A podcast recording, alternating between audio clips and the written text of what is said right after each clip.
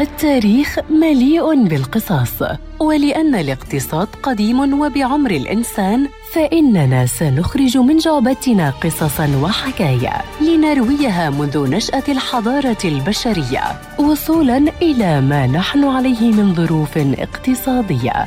في بودكاست تاريخ الاقتصاد مع المدون الاقتصادي مجد النوري عبر إذاعة أجيال ومنصاتها المختلفة.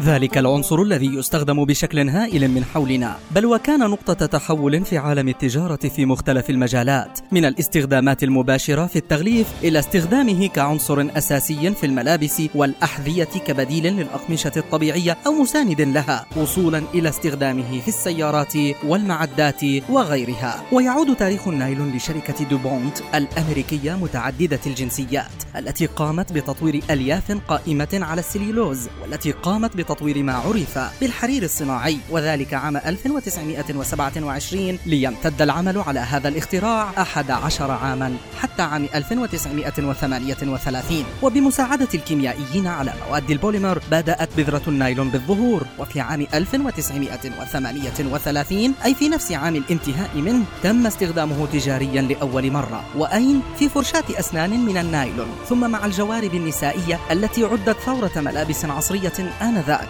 فكان أحد العناصر الأكثر مبيعا في العالم ب 64 مليون زوج في عام واحد. ولكن النايلون لم يسلم من الأذية فتم استخدامه في الحرب العالمية الثانية في المظلات وحبالها وأمور أخرى تم استخدامها في الحرب الدموية. ولكن النايلون وكاعتراف بأهميته الاقتصادية فقد كان له دور في خلق فرص العمل بمئات الآلاف وتعزيز تقنيات الهندسة الكيميائية ليكون هذا العنصر البسيط الذي لا تنتبه إليه أحد أعمدة التجارة والاقتصاد العالمية.